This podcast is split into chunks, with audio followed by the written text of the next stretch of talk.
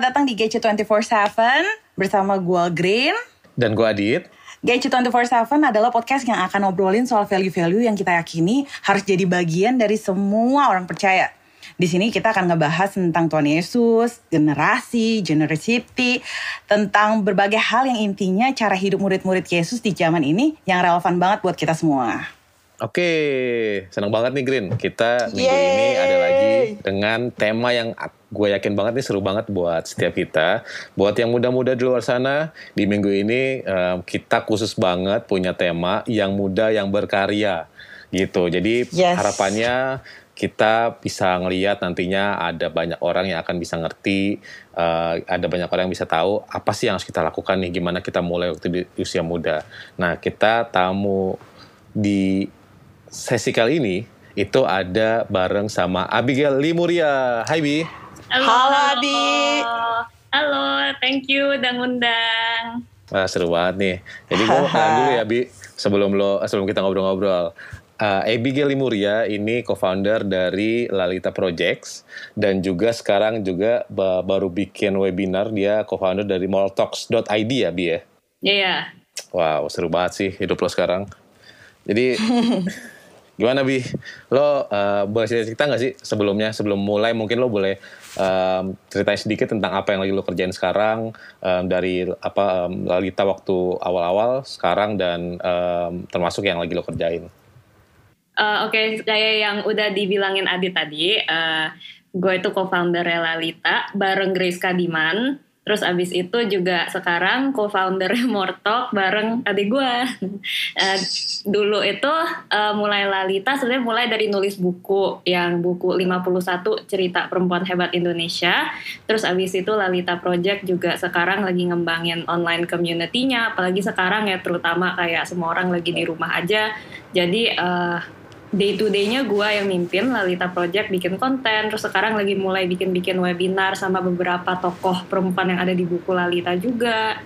Terus abis itu yang kayak si Adit mention juga um, gue jadi ketagihan suka bikin webinar gitu. Soalnya kayaknya seru dan sayangnya gue lihat di Indonesia banyak banget uh, webinar yang overpriced ya. Kayak gue lihat satu webinar tuh bisa kayak 300 ribu, 400 ribu. Waktu itu pernah lihat bahkan webinar menginstall Windows 10 itu 260 ribu. Terus, wow. ya kayak semuanya Susah banget tuh kayaknya. Webinar. Iya, instruksi mungkin next, next, next kayak gitu kan. 260 melayang gitu. Nah, terus jadinya gue mikir, aduh sayang banget ya kalau nggak overpriced, uh, topiknya kayak kurang jelas gitu. Jadi uh, hmm. gue mulai waktu itu ajak uh, apa my dad terus abis itu yang orang-orang yang gue kenal aja gitu untuk sama-sama ngajar dengan harga yang lebih terjangkau and ya jadi akhirnya jadi mortal gitu. Sebenarnya itu sih. Jadi sekarang lagi ngerjain dua itu. Hmm, keren keren. Bi balik lagi ke Lalita Project ya. Uh, spesifiknya soal buku cerita Lalita nih. Nah itu kan sebenarnya kalau kita lihat di umur lo yang muda kayak sekarang udah punya karya yang keren banget kayak gitu isinya 51 uh, eh, cerita tentang wanita-wanita hebat Indonesia itu sebenarnya menginspirasi lo yang memotivasi lo awal banget untuk bikin ini tuh apa bi? Iya jadi uh, sebenarnya ini bukunya idenya lahir di waktu di university ya waktu gua sama Grace kan kita roommate teman kamar di university. Jadinya hmm. waktu itu ya biasalah kita suka ngobrol-ngobrol about anything and everything. Kita suka ngobrol tentang uh, social issue, political issue Indonesia. Uh, one night tengah malam gitu lagi ngobrol-ngobrol nyantai kita mau kita mau ngobrol tentang uh, women issue tentang perempuan, specifically perempuan Indonesia. Tapi habis itu uh, kita sadar kita nggak bisa ngomong tentang perempuan Indonesia. Soalnya walaupun gua sama Grace orang Indonesia, kita tuh yang tipe-tipe anak Indonesia yang udah apa ya, yang westernized banget lah gitu. Yang kita tinggal Indonesia, tapi kita kayak tinggal di bubble. Kita nggak pernah interaksi sama orang-orang ya. Kita nggak pernah interaksi sama media, sama culture ya. Terus habis itu kuliah ke luar negeri gitu kan. Jadi bener-bener nggak tahu apa-apa lah. Terus kita pun juga tokoh perempuan Indonesia yang hebat siapa? Waktu itu Ibu Sri Mulyani belum jadi Menteri Keuangan, belum begitu disorot kayak sekarang. Waktu itu juga uh, Najwa Shihab belum bikin narasi TV, belum semeledak sekarang gitu. Jadi kayak kita nggak tahu nih tokoh perempuan hebat Indonesia siapa gitu kan. Mentok-mentok kar pikir Kartini. Da, da, lalu muncul pertanyaan lagi, Kartini kan udah zaman dulu. Yang zaman sekarang masa nggak ada sih yang hebat? Apakah perempuan hebat Indonesia stop di masa Kartini? Nah terus jadi kita nanya kan, lu uh, role modelnya siapa? Dan nggak ada dari kita yang punya role model perempuan Indonesia. Kita tanya teman-teman kita, nggak ada satupun yang bilang perempuan Indonesia juga. Paling-paling yang dibilang perempuan Indonesia itu mama aku gitu. Tapi itu kayak bagus. Uh, gue yakin semua mama kamu itu hebat. Cuman that doesn't count, that doesn't count gitu kan. Jadinya kita mulai mikir emang nggak ada yang hebat deh yang zaman sekarang. Nah terus jadi uh, gue bilang ke Grace, Grace pikirin deh kerjaan yang paling gak masuk akal, yang gak pernah kepikiran dah untuk perempuan Indonesia. Dan tem si Grace bilang astronot. Terus uh, gue pikir ya bener juga ya, mikir astronot tuh orang Indonesia aja nggak pernah kepikir gitu. Jadi uh, gue Google astronot pertama Indonesia siapa dan yang keluar nggak taunya astronot pertama Indonesia itu Ibu Pratiwi Sudarmono, seorang perempuan yang masih hidup sampai sekarang. Ah. Dan gak cuman itu, uh, Ibu Pratiwi Sudarmono itu juga salah satu uh, astronot perempuan pertama se-Asia dan itu dari Indonesia ternyata. Bahkan sampai sekarang Ibu Pratiwi masih ngajar di UI dan masih uh, research bareng NASA gitu. Dan itu kan keren banget ya, luar biasa banget. Tapi kita nggak ada yang tahu dan hmm. jadi muncullah pikiran, oh kalau misalnya ada hidden figure kayak Ibu Pratiwi, pasti ada dong yang lain yang hebat, tapi kita nggak tahu. Terus akhirnya kita research, bener muncul banyak. Muncul banyak, nah tapi sekarang semua scattered di internet, ya kan? Ada yang di postingan Instagram ini, di jurnal ilmiah sini, ada yang di artikel sini gitu. Dan itu semua nggak ada yang ngumpulin dalam satu wadah yang menarik apalagi kalau semua kalau artikel atau postingan di internet tahu sendiri uh, masa hidupnya paling max sehari. Habis itu ketimbun hmm. yang lain. Jadinya ya aku uh, gua sama Grace bilang uh, seharusnya ada nih yang bikin uh, buku yang menarik yang ngumpulin kisah-kisah perempuan hebat Indonesia zaman sekarang. Dan abis itu ya kita bilang ya why not us? Dan akhirnya ya hmm. kita nekat bikin. Wah keren banget. Parah gue masih ingat waktu itu Green um, apa kita ngobrol-ngobrol tuh sama gue ngobrol sama Abi waktu itu di Susite bi gitu. Hmm. waktu itu belum jadi uh, uh, uh, apa udah mulai nah itu seru ya? banget. Jadi uh, gue senang banget uh, sebenarnya ya yang podcast kali ini. Soalnya bareng Adit sama Kak Green. Soalnya Adit sama Kak Green juga bantuin project Lalita ini in in certain way gitu. Jadi kayak uh, bisa tahu lah uh, betapa sebenarnya nggak mungkin dan rada nggak masuk akal. Itu kayak kalau yang waktu adit tuh uh, itu sebenarnya udah 50% jalan deh waktu itu. Kita udah 50% wawancara orang tokoh-tokoh. Uh, jadi yang mau kita masukin ke buku uh, gua sama Grace interview satu-satu kan kita ketemu. Saya harus minta izin dong. Masa tiba-tiba hmm. kita ambil cerita yang nggak minta izin gitu kan. Jadi harus wawancara supaya ceritanya akurat juga Nah di situ tuh uh, dulu waktu mulai buku mau nulis buku ini nggak ada kepikiran kayak perlu budget segini, nanti harus book launchnya logistiknya begini, nanti harus legalnya begini, pajaknya itu nggak ada kepikiran kan. Kita pengen bikin aja. Nah 50 pers waktu udah 50 persen mulai kepikir tuh, waduh book eventnya gimana ya ini harus diundang semua nih waduh nggak ada pengalaman event organizing nah terus ingat Adit tuh um, uh, kan kenal ya kita. Terus gue inget Adit punya pengalaman kayak di activation company terus bikin event-event to companies gitu. Terus jadi terus kebetulan kok nggak salah lu DM gue terus gue kayak wah kesempatan ini. Saat mereka jadinya gue aja ketemu. Kejebak guys itu kejebak. Diri sih tapi. Menjebakan diri itu menjebakan diri. Iya gitu. iya iya. Gue masih ingat waktu itu apa eh, ngobrol sama Abi di di Susite dan itu dia cerita soal si um, astronot pertama Indonesia yang ternyata astronot pertama wanita se Asia itu. gitu. Jadi um, itu tuh yang benar-benar struck struck banget gak sih? Gitu. Saat kita um, apa ada banyak orang terkenal banyak orang yang bisa menginspirasi kita. Uh, mungkin kalau dulu ada orang Indonesia ya kita pernah dengar kayak gitu gue yakin cita-cita gue akan berubah jadi astronot mungkin. Gitu. Karena keren banget kan gitu. Cita-citanya uh, dulu paling kayak zaman zaman gue kayaknya jadi abri gitu ya. Gitu. Nah. Lo lahir tahun udah apa nih? Abri lagi bukan TNI uh, ya sama lah Green. Udah deh. Kita cuma beda sama Ebi. Cuma Ebi agak beda dikit. Setahun dua tahun sama Ebi.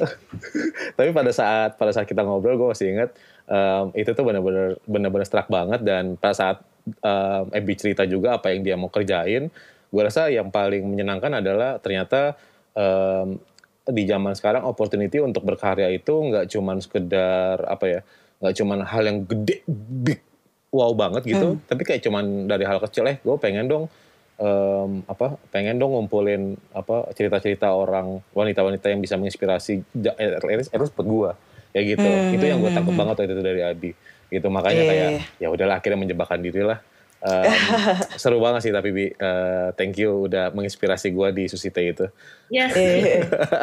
nah, kalau misalnya nggak ada Adit sih wah ah lo bisa aja Ci ah. nah, nanti boleh kalau misalnya mau bikin event yang lain boleh dibantu Gak deh ah Nabi um, kalau misalkan boleh nanya nih gue mau gali lebih banyak uh, pada saat itu kan lo udah mulai tuh um, um, tapi di along the way pasti kan nggak gampang lo waktu itu um, apa uh, si Grace juga masih kuliah di luar dan lo lumayan banyak di sini walaupun lo udah udah udah aturin waktu. Nah cuman um, kira-kira waktu itu apa yang um, apa yang benar-benar mendorong lo untuk untuk menyelesaikan selain karena um, udah 50% orang-orang ini udah pada mau. Lo masih inget gak siapa yang pertama waktu itu lo interview? Iya, jadi technically itu hari pertama interview. Jadi kayak sebenarnya banyak-banyak yang udah nanya gitu ke gue sama Grace kok bisa sih salah satu yang yang buat mereka kagum mungkin ya? Kayak kok bisa selesai? Soalnya I know banyak people yang mulai tapi nggak selesai gitu. Uh, jujur gue nggak bisa pungkirin salah satu alasan kenapa bisa selesai itu karena the nature of the project itself itu involve banyak orang jadi dari momen pertama gue hit send dari uh, apa ya uh, letter kayak letter untuk ngajak orang jadi narasumber jadi hey gue mau masukin uh, your story ke this book tuh gue yakin udah nggak bisa balik gitu. Soalnya kita udah kasih janji ya ke orang kayak there's gonna be a book with your story on it. Atau waktu kita the moment kita undang ilustrator dan mereka bilang iya dan bahkan mereka udah kasih karyanya ke kita gitu kan nggak mungkin tiba-tiba kita nggak jadiin jadi ada aspek itu yang bikin gue accountable dan gue percaya setiap project yang gak punya accountability tuh gak akan selesai. Soalnya hmm. accountability itu kayak lu taruh tembok di belakang biar lu nggak bisa mundur lagi gitu kan. Hmm. uh, nah mungkin itu salah satunya. Kalau yang dan yang alasan kedua itu karena exactly yang Adit bilang orang pertama yang kita interview. Jadi technically uh, hari pertama interview itu tuh kita interview dua orang yang pertama itu Fen Song, the founder Aksio. Dan yang kedua tuh uh, Najwa Shihab yang kita semua sudah tahu mungkin sekarang. Nah, yang fun karena waktu itu uh, eh, gue masih kerja di pemerintahan, jadi gue telat tuh karena jam kantor kan, jadi gue nggak ikut. Jadi technically wawancara pertama banget ya gue itu tuh sama Najwa Shihab. Uh, itu uh, ya wow banget ya apa ya kayak bayangin wawancara pertama itu sama professional interviewer. Kayak serem banget kan serem dan waktu itu tuh bahasa Indonesia gue nggak kayak sekarang. Waktu itu bahasa Indonesia gue tuh ancur sekali sama Grace. Forming full sentence aja tuh hampir gak bisa gitu waktu itu. Jadi bener-bener kayak eh eh eh terus habis tapi dia baik banget lah dia baik dia uh, jawab dengan serius. Dan di situ kan udah wawancara dia dan dia ada ngomong satu hal yang gue bawa terus sampai ke end of the project. Dia kita ada tanya uh, yang bikin seorang jurnalis itu jadi a good journalist tuh apa gitu. Dan dia bilang uh, persistent and grit. Jadi kalau narasumber nggak mau sekali uh, kejar terus tanya terus cari angle baru sampai dia mau gitu. Somewhere along that line dia ngomong. Terus gue jadi mikir kan oh oke. okay. Jadi itu taktik dia jadi jurnalis yang hebat dan itu gue benar-benar pegang makanya setelah itu waktu gue uh, undang narasumber minta ketemu sama tokoh figur gue tuh selalu kejar terus uh, hmm. and di diemin atau di ignore tuh uh, I don't take it personally gitu. So gue selalu inget kata-kata dia, gue kejar terus kalau sekali nggak mau kejar-kejar sampai mau gitu kan. Jadi uh, gue ikutin itu partly sih kenapa juga dan ya yang ketiga karena udah janji sama orang-orang yang kayak si Najwa Shihab sama tokoh-tokoh yang ada di dalam buku lah yang mungkin nggak enteng-enteng juga kayak mereka mau sampai ngulangin waktu ketemu muka mau ditaruh di mana gitu kan kalau misalnya tiba-tiba bukunya nggak jadi jadi hmm. itu sih hmm. kenapa um, bisa maju terus. Terus wow. kalau kesusahan sih banyak banget ya sebenarnya tantangan. Cuman gue percaya tantangan nomor satu dalam any project itu tuh godaan untuk nggak selesaiin sih. Wow, ya. Tuh, karena gue ingat banget Tit ya, waktu itu tuh pas si Abby kontak gue, uh, kak gue butuh bantuan nih, uh, apa? Uh, semua orang. Iya, gue dia uh, iya gue kayak bener-bener uh, oh ya ya gue mau wawancara ada beberapa menteri gitu disebutin gitu kan dan itu tuh yang kayak menteri-menteri yang waduh lagi susah-susah banget di ditemui gitu.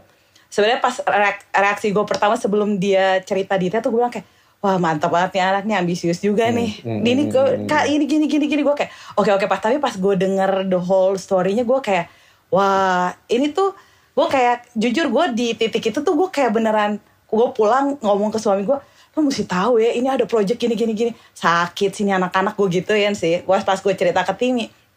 Karena uh, itu tuh kayak gak gampang banget ya gue tuh kemarin ikut kelas uh, di Genesis Project terus salah satu pembicara dia bilang gini uh, generasi yang sekarang itu mereka tuh uh, untuk intelektualnya tuh jauh di atas rata-rata tapi untuk mentalnya tuh jauh di bawah rata-rata gitu. Hmm. Jadi kayak pinter banget tapi gampang banget nyerah gitu. Jadi makanya ada akhirnya ada menemukan satu orang yang punya alasan, lo punya alasan banyak banget, you name it aja, list uh, yang perlu diwawancara, terus belum lagi tadi bilang susah bahasa Indonesia, sementara buku ceritanya tuh dalam bahasa Indonesia dan bagus banget, Ebi gitu kan, ya. wow jadi kayak kalau kalau lo bisa bilang nih tadi gue sempat dengar ya persisten, grit. Tapi kalau yang yang emang kalau lo bisa kasih satu saran bener-bener buat anak-anak yang dengerin lagi berkarya in the middle of kayak gue terusin apa enggak itu lo bisa ngomong apa kira-kira bi kalau pesan lo buat mereka gitu wah cepet banget udah masuk pertanyaan pesan nih. Uh, belum ya? ini masih ini masih tengah-tengah malah. Belum masih panjang nih. Oke oke. Okay, okay. uh, ya palingan pesan itu dari pengalaman pribadi sih. Itu yang tadi udah gue mention itu penting banget. Gue percaya bahwa kita harus kadang kita harus dorong diri kita atau jorokin diri kita sampai masuk ke point of no return atau kita harus masukin diri ke tahap di mana kita udah nggak bisa balik lagi. Kalau perumpamaan ada kolam di dalam ya kita harus nyebur 100% sampai rambut-rambut tuh basah gitu. Jangan cuman kaki dicelupin. Soalnya kalau misalnya kita masih punya option untuk keluar, itu tuh the moment things get tough atau misalnya yang makan hati banget kena gitu, kita pasti akan exit gitu. Sama aja kayak uh, waktu itu gue pernah dengar kan uh, salah satu gue beneran ini lupa siapa, cuman dia bilang tentang pernikahan gitu. Selama kita biarin uh, divorce atau cerai itu sebagai option, otak kita akan ke situ terus setiap kali ada berantem. Hmm. Tapi the moment itu kita udah tutup, itu not an option anymore. Itu kita mau berantemnya separah apa pun kita nggak akan kepikiran ke sana gitu. Dan nice. jadi ini menurut gue sama kayak sebuah project. Kalau misalnya kita pintu exit untuk atau pintu uh, gue mau selesain atau enggak it doesn't make any difference itu tuh most likely waktu passion kita udah hilang, waktu keseruannya udah selesai, honeymoon period sama project kita udah kelar, kita akan drop. Jadi kita hmm. harus ikat diri kita sama komitmen sama accountability. Misalnya kayak kalau gue kan gue bikin janji ke 100 lebih orang yang kalau misalnya gue nggak jadi gue akan dikejar sama 100 lebih orang yang yang lumayan bisa ruin my life I would say gitu nah, jadi itu itu bener-bener kayak gue nggak bisa nggak jadi atau mungkin ada temen gue yang dia taruh hampir semua uangnya in all in nah itu kan jadi kayak dia tuh punya sesuatu yang dia emang udah nggak bisa balik lagi ini harus selesai. Jadi kita harus bikin diri kita mm-hmm. ya nggak tahu gimana. Pokoknya supaya kita nggak segampang itu nyerah. Ada konsekuensinya lah kalau kita nyerah gitu. Itu yang pertama sih menurut gue kalau misalnya yang lagi ngelakuin project. Ya yang kedua itu uh, eh, gue percaya banget kita harus sedikit obses sama idea kita. Obses tuh bukannya in a bad way ya. Cuman kayak gue percaya kalau kita percaya sepercaya percayanya itu sama ide kita bahwa ide kita itu kalau misalnya bukan kita yang lakuin hmm. nggak hmm. akan hadir di dunia. Dan kalau misalnya ide kita itu akan membuat sesuatu kebaikan it will make an impact. Dan kita percaya banget itu kita akan pasti sedikit obses sama ide itu gitu contohnya sama, uh, eh, sama kayak misalnya kita lagi suka sama seseorang gitu kayak demen uh, kita naksir sama seseorang gitu. Apakah kita harus nanya ke diri gimana ya I keep myself motivated setiap hari untuk chat dia? Enggak kan? Pertanyaannya malah how do I stop myself supaya nggak gangguin itu orang terus gitu. Hmm. Soalnya kita udah sesuka itu, sepercaya itu dan seobses dalam kutipan itu sama orang itu sama dengan project kalau misalnya kita nggak sesuka itu sama projectnya nggak ada rasa obsesnya dalam tanda kutip itu ya kita akan jalan hari ke hari nanya gimana ya gue motivasi diri supaya gue ngerjain lagi hmm. padahal kalau kita udah sepercaya itu seharusnya gimana caranya supaya gue uh, jaga diri pace myself hmm. supaya gue nggak burn out uh, lebih cepat gitu kan jadi itu sih mungkin dua uh, uh, gitu deh wah bijak Bijak banget sekarang lebih ya. Beda banget. Karena udah ngomong bagus-bagus gue gituin dah. eh, uh, Bi, ini pertanyaan penting nih, biar orang-orang pada tahu. Um, what obsess you atau who atau what terserah lo deh. Lo mau jawab apa? Apa yang Abigail Lemuria obsess about? Entah itu orang atau entah itu um, selain karya sekarang. lo yang sekarang. Iya iya iya. Hmm, gue sekarang tuh I always say, uh, I always say ya, cuman yang paling recent sih gue obses sama gue pengen punya kehidupan yang seru. Um, soalnya kan sering kali orang kan bilang uh, gue pengen hidup yang bahagia, tapi gue yakin banget gitu kita tuh nggak ditaruh sama Tuhan di dunia ini cuma untuk bahagia. Kita ditaruh di dunia ini for an adventure. And adventure itu ya dengan adventure comes problem comes challenges uh, datang hal-hal yang emang nggak enak tapi seru tapi meaningful tapi kayak noble gitu. Jadi kayak uh, gue mulai shift perspektif gue sih kayak dulu kan gue kayak pengen yang happy happy aja atau gimana uh, sekarang gue sadar bahwa ke, uh, meaning itu tuh nggak ditemuin di kehidupan yang sekedar bahagia tapi kehidupan yang adventurous and seru hmm. jadi gue dan mungkin karena udah kelamaan di rumah juga ya jadi gue tuh kayak ah gue pengen kehidupan yang seru nih pokoknya di hidup gue dan itu that entails a lot of uh, trying new things keluar comfort zone. Makanya gue gue dulu sangat takut sama nyoba hal-hal baru. Gue takut gagal banget. Sekarang gue kayak pengen paksain diri untuk nyoba lebih banyak resiko. Terus habis tentu yang pinter ya yang berfaedah ya. Uh, dan gue jadi apa ya beraniin diri untuk ya nyoba hal-hal baru and explore new things. Maybe itu. Hmm.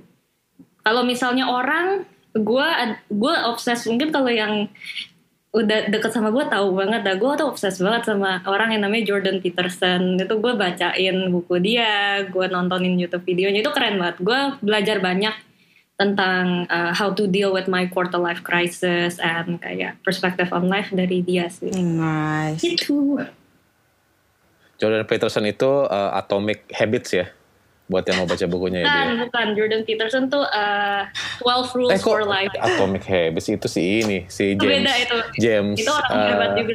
Iya, aduh James siapa ya lupa gue. Ya, Iya, Jordan iya. Peterson tuh yang uh, apa? Iya. Dia eh, sih, sebenarnya gue dapet, dia 12 Rules for Life judul buku. Ah. Terus dia everywhere di YouTube. Iya, iya benar benar benar benar. Aduh, bagus banget. Thank you banget, Bi. gue rasa yang paling yang paling kita pengen cari adalah em, pada saat orang mulai obses, itu kan gimana channel obsesnya, gitu ya. Gimana eh, orang apa? eh, Oke, gue obses sama gadget, gue obses sama diri gue, tapi mungkin em, kadang orang tuh suka bingung gitu obsesi obses, obsesnya tuh dari mana kalau lo dimulai dengan kegalauan lo sama quarter life crisis lo untuk lo mencari em, life yang adventurous Heeh. nah kalau misalkan let's say em, buat ada nih adik-adik kan Lalita followersnya tuh Adik-adik. kayaknya adik-adik ya adik-adik adik-adik yang iya yang KEB kuliah lah, anak-anak anak kuliah. eh, nah, em, kalau saat mereka pasti kan yakin banget banyak pertanyaan seperti itu. Apa yang akan lo bilang ke mereka Bi biasanya? Kalau Gimana cara soal- membuat diri obses dengan Iya.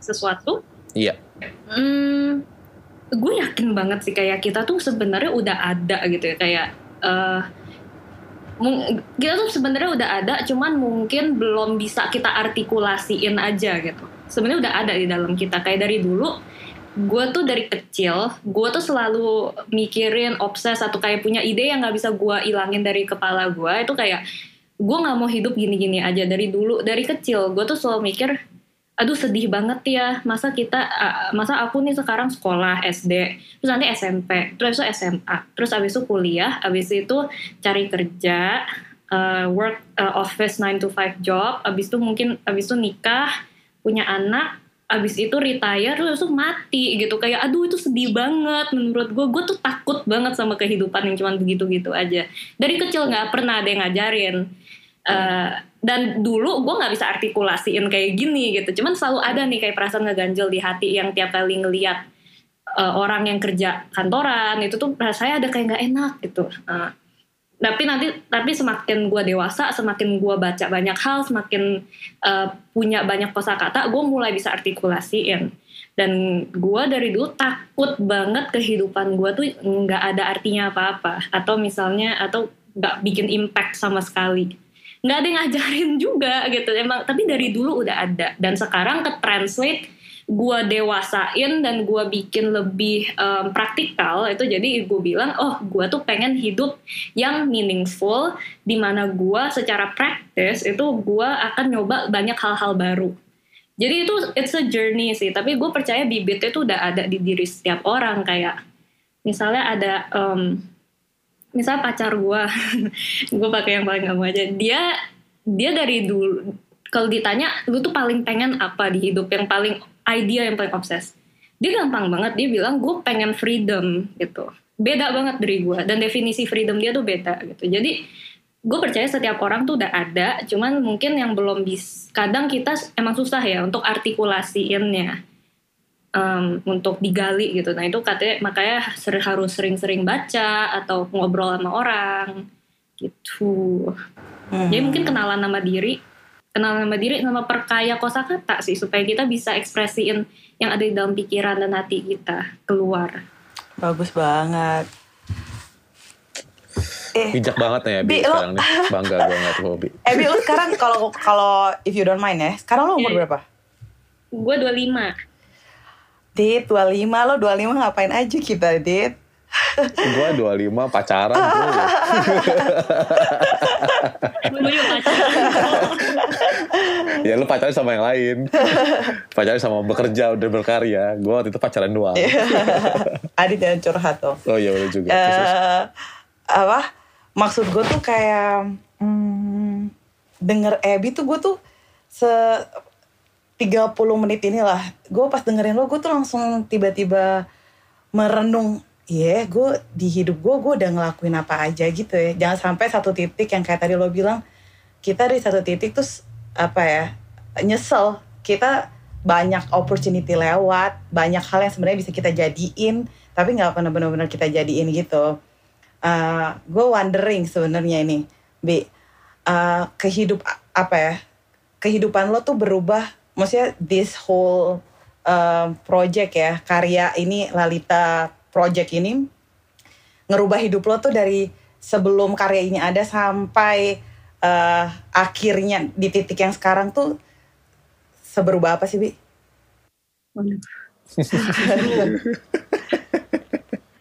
good question, good question. Uh, wow, berubah banget sih ya kak. Bener-bener dalam, I would say dalam segala aspek berubah banget sih. Tapi kayak uh, perubahan yang mungkin obvious itu kayak obviously uh, haluan pekerjaan gue jadi berubah. Terus kayak mengharuskan gue yang dulu Adit bisa tahu lah gitu. Gue ngomong di depan kamera tuh kayak nggak bisa banget. Um, public speaking juga nggak oke oke banget skillnya. Uh, bahasa Indonesia nggak gitu bagus tapi kayak karena Lalita yang mengharuskan gue untuk jadi lebih baik di hal-hal itu. Itu mungkin yang lebih obvious uh, terus juga yang dulunya gue bilang gue rasanya tuh gue hidup di Indonesia tapi gue hidup di dalam bubble nggak pernah interact sama negara gue Lalita obviously ngedorong gue untuk interact sama banyak banget orang dan itu gue jadi lebih kenal sama Indonesia. Itu itu berubah juga. Perspektif gue terhadap uh, Indonesia juga berubah. Tapi yang paling yang paling signifikan tuh jadi selama proses pembuatan buku Lalita itu adalah perjalanan gua yang tadinya sangat sangat sangat idealis. Karena ini adalah ide seorang yang sangat idealis yang gak mikirin uang ya kan? Bisa kelihatan lah. Hmm. mau, mau nulis buku cerita setelah graduate kerjaan gimana? Nggak peduli gitu kan. Itu bener dan waktu mau bikin nggak mikirin sales nggak mikirin duit yang gue bilang tadi budget segala. Jadi ini ada sebenarnya mimpi orang yang sangat sangat idealis. Uh, jadi abis itu ngerjain Lalita selama 2 tahun itu ngebawa gue dalam suatu journey yang uh, apa ya inner journey kali. Di mana gue ya harus belajar gitu. Jadi gue banyak belajar tentang diri gue gue banyak belajar tentang idealisme soalnya gue dari dulu tuh punya konsep mungkin relate sama yang tadi gue bilang gue dari kecil takut sama hidup yang biasa-biasa aja uh, gue dari kecil pengen bikin impact jadi of of course gue tuh yang orang bisa dibilang uh, idealis parah gitu kan. Um, dan itu gue dari dulu gue mikir gue nggak mau uh, apa ya kalau untuk gue tuh kayak ambil jalan yang lebih realistis atau yang lebih menghasilkan itu tuh kayak gue kalah. Jadi kayak idealisme gue tuh gagal. Kayak soalnya kan orang yang ideal suka kayak uh, gue I, I will prove to the world gitu. I can make it. Tapi the moment gue ganti haluan tuh rasanya kayak gue betray idealisme gue gitu kan. Jadi itu tuh yeah. sangat sangat apa ya menurut gue itu world view gue yang dulu yang sangat mengekang gue dari tumbuh. Nah dari proses lalita ini gue belajar valuable lesson banget yaitu oh ternyata um, menjadi dewasa ngambil jalan yang lebih realistis itu tuh bukan erosi idealisme loh yang kayak gue pikir dulu.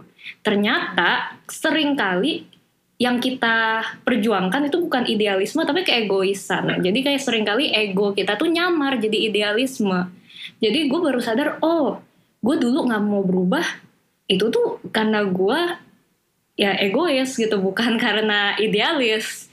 Nah jadi proses pendewasaan, proses jadi lebih realistik itu tuh sebenarnya kayak gue apa ya uh, lempar idealisme gue kayak ke panasnya realita supaya apinya itu dipurify idealisme gue dan mungkin hancur sempat hancur juga. Makanya gue sampai quarter life crisis gue nggak tahu nih gue nih pengen apa gitu sempat hancur. Tapi habis itu bangun dibangun lagi jadi lebih praktikal jadi lebih dewasa idealismenya jadi lebih fungsional gitu. Dan jadi gue sadar oh ternyata hidup tuh bukan soal idealisme versus realistis tapi idealis ke idealisme sama ke realistisan itu adalah sebuah negosiasi yang kita harus lakuin. Dan kita harus waspada. Saya sering kali yang kita lindungi itu bukan idealisme tapi keegoisan. Dan the moment gue bisa mikir gitu gue bisa gerak lebih bebas di dunia gue bisa le coba lebih banyak hal. Gue nggak ngerasa bersalah kalau gue misalnya ngelakuin project untuk misal yang lebih uh, menghasilkan apa segala gitu. Gue nggak tahu sih ini kayak ini salah satu yang paling berubah ya dari gue kayak Adit mungkin bisa lihat gitu gue yang dulu sama sekarang sangat beda gitu. Orang-orang orang-orang yang tahu gue pasti bisa lihat wah gue beda banget. Itu karena fondasi worldview gue berubah juga yang soal itu. Wah speechless gue Adit. Gue udah nggak tahu mau nanya apa lagi nih Kenapa itu make sense sama itu abstrak banget sih. uh, in, in way gue rasa make sense. Cuman uh, to summarize, uh, mempermudah buat yang dengar juga mungkin um, apa pada saat memang memang yang namanya tadi apa uh, ada beberapa um, saat kita berkarya itu ternyata karya itu bisa merubah diri kita gitu karya yes. itu bisa either itu mempush kita jadi lebih baik atau mungkin um, itu hanya mendelay kita tapi in a way pasti akan akan berubah ya gitu yeah um, cuman hmm. gimana kita bisa ngelihat kita bisa ngelihat diri kita berubah dan kita mau ke arah mana gitu gue rasa yang tadi uh, Abby share tuh bagus banget uh, untuk kita ngerti saat kita mungkin um, selama ini mungkin kita cuma pengen eh gue pengen bikin sesuatu nih tapi gue nggak tahu mau ngapain um, dengan obses akan satu hal terus nanti lanjut ke berkarya ternyata mm -hmm. along the journey itu um, adventure life yang di di jalan itu ternyata bisa mengubah diri kita gitu.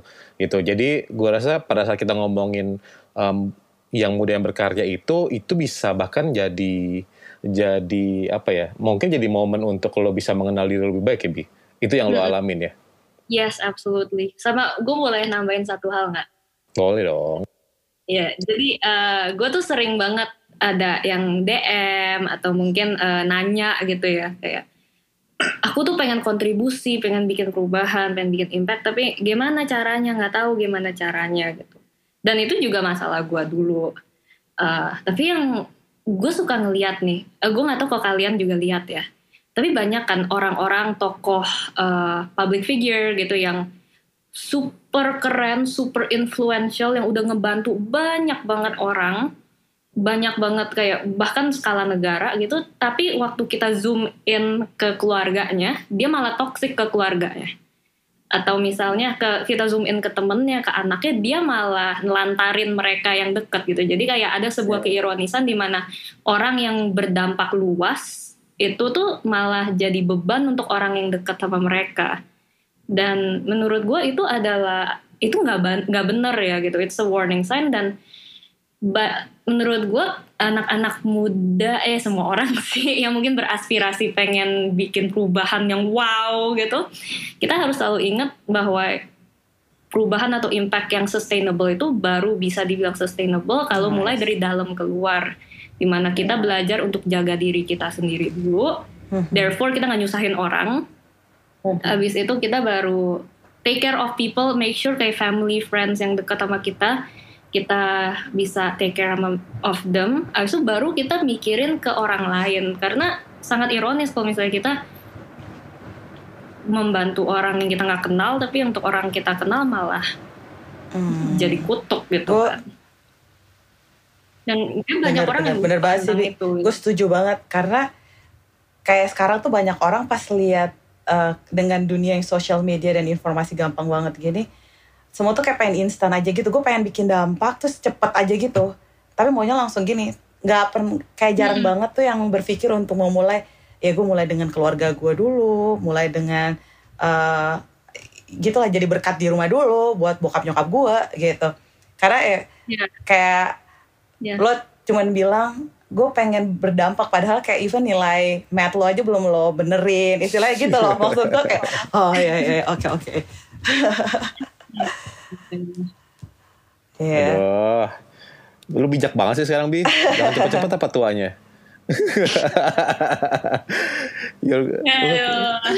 bi, bi. Anyway, um, apa um, gue yakin banyak banget yang bisa kita gali banyak soal Abigail. Cuman sekali lagi kita cuma punya waktu segini banyak. So thank you so much Bi udah thank sharing, so much, udah cerita-cerita. Gue um, diberkatin banget dengan apa yang Tuhan udah kerjain dalam hidup lo dan gue yakin um, apa either Lolita Project atau More Talks yang lagi lo kerjain ini bisa jadi um, cara iya untuk lo berkarya dan bisa jadi berkat yeah. banyak orang sih Bi. Jadi thank you so much udah info banyak orang. Thank you. Again. Thank you udah ngundang. Ditunggu karya-karya berikutnya, Bi. Iya, pertanyaan akan selalu sama. What next, Abigail Limuria? Tapi itu disimpan buat nanti aja, biar dia pikirin sendiri. Jadi uh, sekian di episode kita kali ini. Um, selalu dengerin kita di setiap hari Rabu di GC 24/7 dan kita senang banget. Um, kita percaya buat setiap teman-teman pasti akan diberkatin banget sama setiap episode kita. Um, terus um, uh, post mungkin di di instastorynya biar biar semua orang bisa dengar uh, um, episode-episode yang bagus-bagus banget uh, dari narasumber kita. So thank you so much Ebi, thank you Green. Um, thank you Adi, thank you Ebi. Oke okay, kalau gitu semua, bye. Bye. bye.